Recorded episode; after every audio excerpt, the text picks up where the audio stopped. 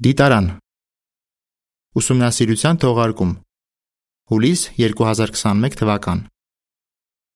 Ուսումնասիրության հոդված 26 Այս հոդվածը կուսումնասիրվի օգոստոսի 30-ից սեպտեմբերի 5-ն ընկած ժամանակահատվածում։ Կարող ես մասնակցել ուսուցանելու գործին։ Բնաբան Աստված գործում է ձեր մեջ, որ เป զի դուք եւ կամենաք, եւ գործեք։ Փիլիպեցիներ 2:13 Երկ 64 Ուրախությամբ մասնակցենք հնձին Այս հոդվածում. Եհովան մեզ առանձնահատկորում է տվել ոչ միայն քարոզելու, այլև մարդկանց սովորեցնելու պահել այն ամենը, ինչ Հիսուսը պատվիրել է։ Իսկ ի՞նչն է մղում մեզ, որ ուսուցանենք։ Ինչ դժվարությունների գուցե բախվենք քարոզելու եւ աշակերտներ պատրաստելու գործում, եւ ինչպես կարող ենք հաղթահարել դրանք։ Հոդվածից կիմանանք այս հարցերի պատասխանները։ Պարբերություն 1 Հարց. Ինչ է Եհովան արել քեզ համար։ Ինչպես ես դարձել Եհովայի վկա։ Տերևս լսել ես բարելուրը քո ծնողներից, աշխատակցից, համադասարանցուց կամ էլ երբ վկաները քարոզել են տնից տուն։ Այնուհետև ինչ որ մեկը շատ ժամանակ ու ջանքեր է ներդրել, որ քեզ Աստվածաշունչ ուսուցանի։ Այդ ընթացքում դու սկսել ես սիրել Եհովային եւ հասկացել ես, որ նա էլ քեզ է սիրում։ Եհովան ձգել է քեզ դեպի ճշմարտությունը, դու դարձել ես Քրիստոսի աշակերտ եւ հավիտյան ապրելու հերանեկար ես ձեռք բերել։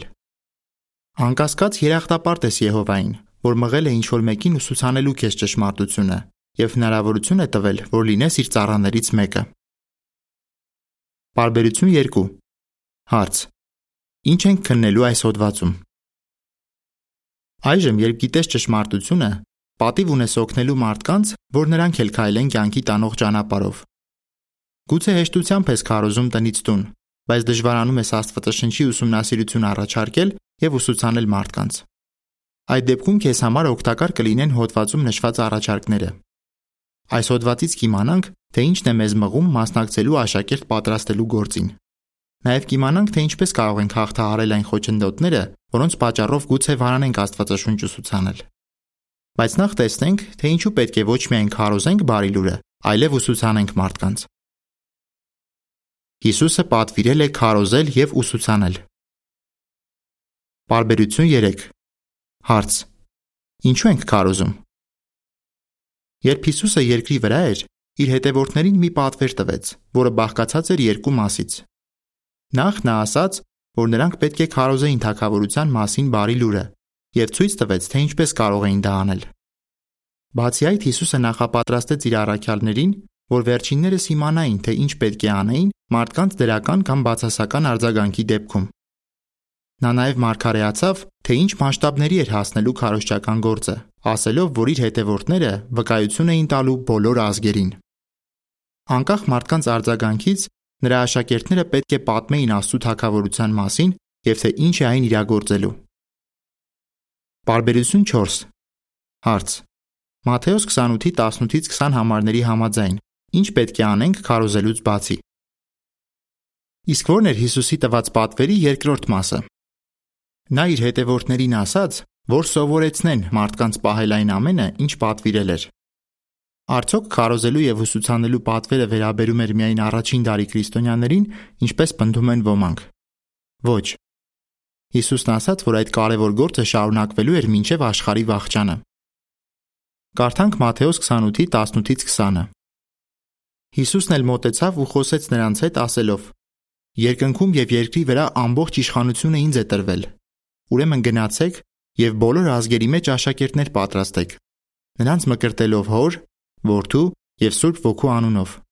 սովորեցնելով նրանց պահել այն ամենը, ինչ որ ձեզ պատվիրեցի Ես ձեզ հետ եմ բոլոր օրերում, մինչև աշխարհի վախճանը։ Նա հավանաբար այդ պատվերը տվեց, երբ հայտնվել էր ավելի քան 500 աշակերտների։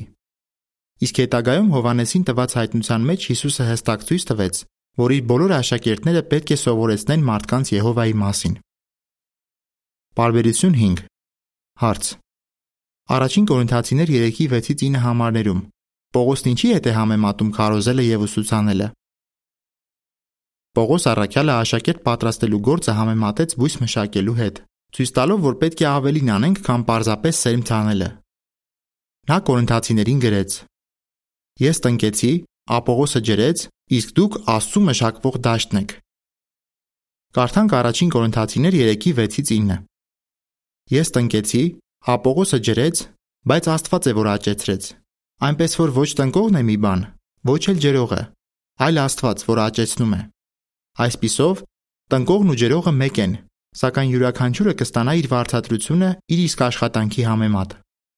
Մենք Աստծո համագործակիցներն ենք, իսկ դուք Աստծո մշակվող դաշտն եք, Աստծո կառույցը։ Որպես Աստծո դաշտի մշակներ, մենք ոչ միայն սերմ ենք ցանում, այլև ջրում ենք այն եւ կանոնավորաբար հետևում բույսի աճին։ Միևնույն ժամանակ գիտակցում ենք, որ աճեցնողն Աստված է։ Բարբերություն 6 Հարց. Ինչ է ներառում ուսուցանելու գործը։ Մենք փնտրում ենք նրանց, ովքեր ճիշտ են տրամադրված հավիտենական կյանքի հանդեպ։ Գործեր 13:48 Որ เป զի այդ մարդիկ դառնան Քրիստոսի աշակերտ, պետք է օգնենք նրանց առաջին հասկանալ, երկրորդ ընդունել եւ երրորդ կիրառել այն, ինչ սովորում են Աստվածաշնչից։ Ժողովում բոլորը կարող են Աստվածաշունչ ուսումնասիրողների համար լավ օրինակ լինել, եթե ջերմորեն ողջունեն նրանց եւ սեր ցուցաբերեն նրանց հանդեպ։ Թերևս կարիք լինի, որ Աստվածաշունչ ուսուցանողը շատ ժամանակ ու էներգիա ներդնի, որ เป զի օգնի անհատին ազատվել արմատացած հավատալիքներից ու սովորություններից։ Գուցե ամիսներ պահանջվեն, մինչև ուսումնասիրողը հասկանա, ընդունի եւ կիրառի իր սովորածը ու հասնի մկրտության։ Բայց ինչ խոսք, արժե ջանքեր թափել։ Սերն է մեր մղիչ ուժը։ Բարբերություն 7 Հարց. Ինչն է մղում մեզ, որ մասնակցենք քարոզելու եւ ուսուցանելու գործին։ Ինչու ենք մասնակցում քարոզելու եւ ուսուցանելու գործին։ Նախ այն պատճառով, որ սիրում ենք Եհովային։ Երբ քո լավագույնն ես անում քարոզելու եւ աշակերտներ պատրաստելու պատվերին հետևելու համար, ցույց ես տալիս, որ սիրում ես Աստծուն։ Մի պահ մտածիր, Եհովայի հանդեպ սերը արդեն իսկ մղել է քեզ քարոզելու տնից տուն։ Արդյոք դա անելը հեշտ էր։ Հավանաբար ոչ։ Երբ առաջին անգամ քարոզեցիր տնետուն, լարված էիր։ Անկասկած այո։ Բայց հասկանում էիր, որ Հիսուսն է պատվիրել անես այդ գործը։ Ոստի հնազանդվեցիր ու թերևս ժամանակի ընթացքում սկսեցիր ավելի անկաշկանդ մասնակցել քարոզչական գործին։ Իսկ ինչ կարելի է ասել Աստվածաշնչի ուսումնասիրություն անցկացնելու վերաբերյալ։ Միայն այդ մտքից գուցե արդեն լարվում ես։ Սակայն կարող ես խնդրել Եհովային, որ օգնի քեզ հաղթահարես լարվածությունդ եւ քաջություն տա, որ เป զի Աստվածաշնչի ուսումնասիրություն առաջարկես անհատին։ Անշուշտ Եհովան կօգնի, որ աշակերտ պատրաստելու ցանկություն զարգացնես։ Բարբերություն 8 Հարց. Մարկոս 6:34-ի համաձայն ուրիշ ի՞նչն է մղում մեզ, որ մասնակցենք ուսուցանելու գործին։ Երկրորդ պատճառը, թե ինչու ենք մասնակցում աշակերտ պատրաստելու գործին, մարդկանց հանդեպ սերն է։ Մի անգամ Հիսուսն ու իր աշակերտները երկար քարոզելուց հետո ուժասպառ են եղել։ Նրանք առանձնացան, որ հանգստանան, բայց մի մեծ բազմություն գնաց նրանց հետևից։ Հիսուսն էլ խղճալով մարդկանց սկսեց շատ բաներ սովորեցնել։ Կարդանք Մարկոս 6:34-ը։ Դուրս ելնելով նա մի մեծ բազմություն տեսավ եւ խղճաց նրանց, որովհետև հովիվ չունեցող ոչխարների էին նման։ Ոստի սկսեց շատ բաներ սովորեցնել նրանց։ Թեև նա շատ հոգնած էր, սակայն իրեն չխնայեց մարդկանց ուսուցանելու համար։ Ինչու՞։ Քանի որ մտավ մարդկանց դրության մեջ, տեսավ թե որքան են նրանք տարապում եւ որքան շատ հույսի կարիք ունեն։ Այսօր մարդիկ նույն վիճակում են։ Նրանք ծանրաբեռնված են խնդիրներով եւ հույսի կարիք ունեն, անկամ եթե թվում է, թե երջանիկ են ու գոհ են իրենց կյանքից։ Նրանք նման են հովիվ ճանաչող մոլորված գառների։ Պողոս Առաքյալը այդպիսի մարդկանց մասին ասաց, որ նրանք հույս չունեն եւ առանց Աստծու են։ Նրանք քայլում են այն ճանապարհով, որը դեպի կործանում է տանում։ Մատթեոս 7:13 Երբ մենք տեսնում ենք մեր տարածքում ապրող մարդկանց հոգևոր վիճակը, սերն ու կարեկցանքը մղում են մեզ օգնելու նրանց իսկ լավագույն օգնությունը նրանց Աստվածաշնչի ուսումնասիրություն առաջարկելն է։ Բարբերություն 9 Հարց.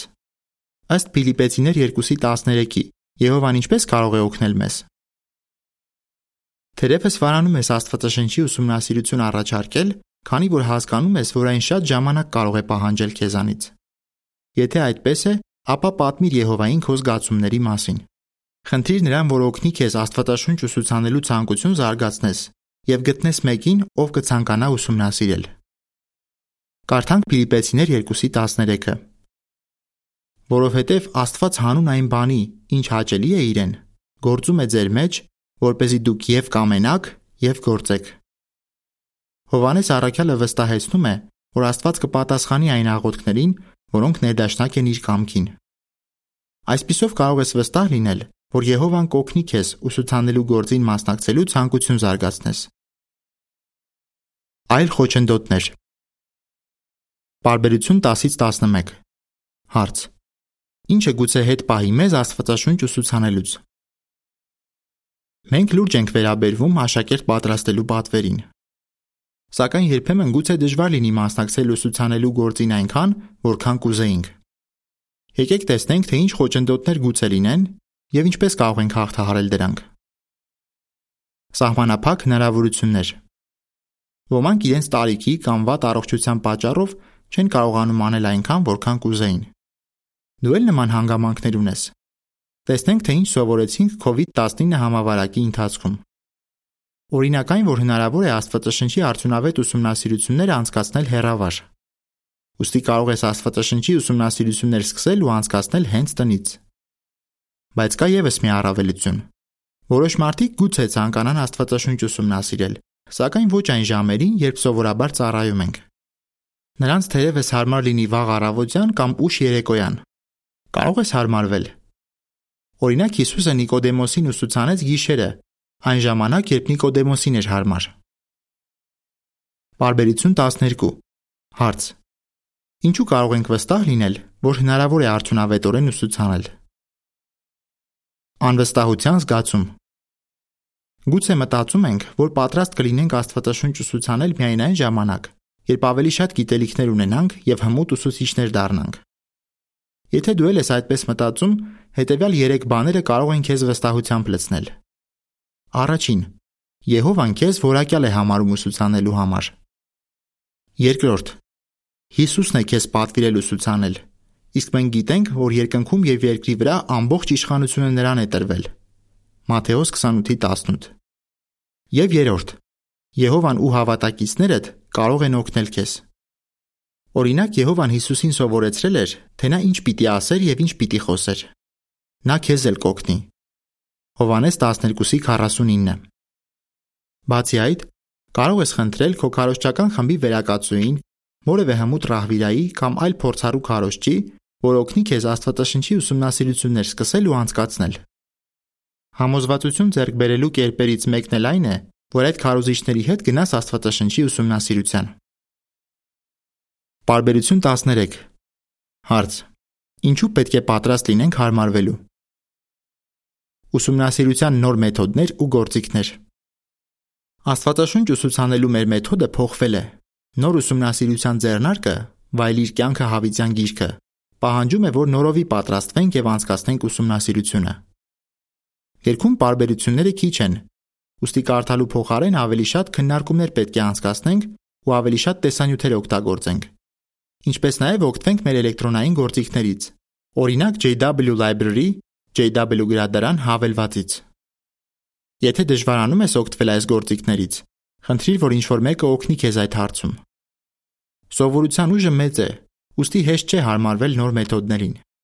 բայց Եհովայի ու հավատակիցների օգնությամբ դու կկարողանաս հարմարվել եւ անգամ հաճույք ստանալ ուսուցանելուց։ Մի ռահվիրա եղբայրը ասում է, որ ուսումնասիրության այս նոր մեթոդը թարմություն է թե ուսումնասիրողի, թե ուսուցանողի համար։ Բարբերություն 14 Հարց. Ինչ պետք է հիշենք, երբ քարոզում ենք այնպիսի տարածքներում,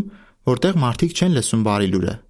Եվ ինչով են առաջին Կորինթացիներ 3-ի 6 եւ 7 համարները քաջալերական մեզ համար։ Տարածքներ, որտեղ դժվար է Աստվածաշնչի ուսումնասիրություն սկսել։ Որոշ մարդիկ չեն հետաքրքրվում մեր հայտնած լուրով եւ նույնիսկ հակառակվում են։ Այդպիսի տարածքներում քարոզելիս ինչպես կարող ենք դրական տրամադրվածություն պահպանել։ Հիշիր, որ այս անկայուն աշխարհում մարդկանց հանգամանքները շատ արագ կարող են փոխվել, եւ նրանք, ովքեր մի ժամանակ չէին ընդունում բարի լուրը, գուցե սկսեն գիտակցել իրենց հոգեվոր կարիքները։ Ոմանք, ովքեր միշտ հրաժարվում էին մեր գրականությունից, հետագայում սկսել են Աստվածաշունչ ուսումնասիրել։ Բացի այդ, մենք գիտենք, որ հնձի Տերը Եհովան է։ Նա ակնկալում է, որ շարունակենք տնկել ու ջրել, սակայն աճեցնողը ինքն է։ Սա շատ քաջալերական միտք է։ Նույնիսկ եթե չենք կարողանում Աստվածաշնչի ուսումնասիրություն սկսել, պետք է հիշենք, որ Եհովան վարձատրում է մեզ, հաշվի առնելով ոչ թե մեր աշխատանքի արդյունքները, այլ թափած ջանքերը։ Զգա աշակերտ պատրաստելու ուրախությունը։ Պարբերություն 15 Հարց. Ինչ է զգում Եհովան, երբ ինչ-որ մեկը սկսում է Աստվածաշունչ ուսումնասիրել եւ վարվում է իր սովորածի համաձայն։ Եհովան ուրախանում է, երբ ինչ-որ մեկը ընդունում է ճշմարտությունը եւ այն հայտնում ուրիշներին։ Պատկերացրու նրա ցնծությունը, երբ տեսնում է, թե ինչ մեծ երանդով է իր ժողովուրդը քարոզում եւ ուսուցանում մարդկանց։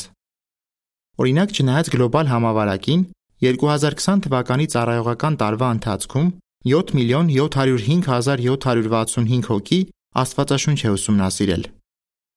Նրանցից 241994-ը նվիրվել է Եհովային ու մկրտվել։ Այսօր աշակերտներն էլ իրենց հերթին Աստվածաշնչի ուսումնասիրություններ կսկսեն եւ ավելի շատ աշակերտներ կպատրաստեն։ Անկասկած մենք ուրախացնում ենք Եհովային, երբ մասնակցում ենք ուսուցանելու գործին։ Բարբերություն 16 Հարց. Ինչ նպատակ կարող ենք դնել։ Աշակերտ պատրաստելը հեշտ գործ չէ։ Բայց Եհովայի օգնությամբ մենք կարող ենք մասնակցել դրան եւ օգնել մարդկանց, որ սիրեն մեր երկնային հորը։ Կարող ես նպատակ դնել, որ առնվազն 1 հոգու Աստվածաշունչ ուսուցանես։ Եթե ամեն հարմար առիթի դեպքում Աստվածաշնչի ուսումնասիրություն առաջարկես, արդյունքները գուցե զարմացնեն քեզ։ Վստահ եղիր, որ Եհովան կօրհնի ջանքերդ։ Բարբերություն 17 Հարց. Ինչ կզգանք, երբ Աստվածաշնչի ուսումնասիրություն անցկացնենք։ Մեզ համար մեծ պատիվ է քարոզել եւ ուսուցանել մարդկանց։ Այս գործին մասնակցելը մեզ իսկական ուրախություն է բերում։ Պողոս Առաքյալը, ով Թեսաղոնիկեում շատերին օգնեց դառնալ Քրիստոսի աշակերտ, հետևյալ կերպ արտահայտվեց. Ով է մեր հույսը կամ ուրախությունը կամ ցնծության պսակը մեր Տեր Հիսուսի առաջ նրա ներկայության ժամանակ։ Միթե դուք չեք։ Այո, Դուք եք մեր փառքը եւ ուրախությունը։ Առաջին Թեսաղոնիկեցիներ 2:19 եւ 20։ Շատերը այսօր նման զգացումներ ունեն։ Ստեֆանի անունով մի քույր, ով իր ամուսնու հետ շատերին է օգնել հասնել մկրտության, ասում է. Ոչինչ այնքան մեծ ուրախություն չի պատճառում, որքան այն, որ օգնում ես մարդկանց նվիրվել Եհովային։ Նկար։ Բարբերություն 15-ից 17։ Փոփոխություններ, որ տեղի են ունենում մարդու կյանքում, երբ սկսում է Աստվածաշունչ ուսումնասիրել։ Սկզբում նա չի ճանաչում Աստծուն եւ ասես ապրում է աննպատակ կյանքով։ Հետո վկաները քարոզում են նրան եւ նա համաձայնվում է Աստվածաշունչ ուսումնասիրել։ Սովորածը կիրառելու շնորհիվ նա նվիրվում է Եհովային եւ մկրտվում։ Որոշ ժամանակ հետո նա նույնպես սկսում է ուսուցանել մարդկանց։ Արդյունքում նրանք բոլորը վայելում են կյանքը դրախտ երկրի վրա։ Նկարի մակագրություն. Ահա թե ինչպես է փոխվում մարդու կյանքը, երբ քարոզում եւ ուսուցանում ենք նրան։ Կրկնության հարցեր։ Ինչ կպատասխանես։ Ինչու պետք է քարոզենք եւ ուսուցանենք։ Ինչն է մղում մեզ մասնակցելու աշակերտ պատրաստելու գործին։ Ինչպես կարող ենք հաղթահարել այն խոչընդոտները, որոնց պատճառով գուցե վարանենք Աստվածաշունչ ուսուցանել։ Երկ 57 Քարոզում ենք ամեն տեսակ մարդկանց։ Հոդվացի ավարտ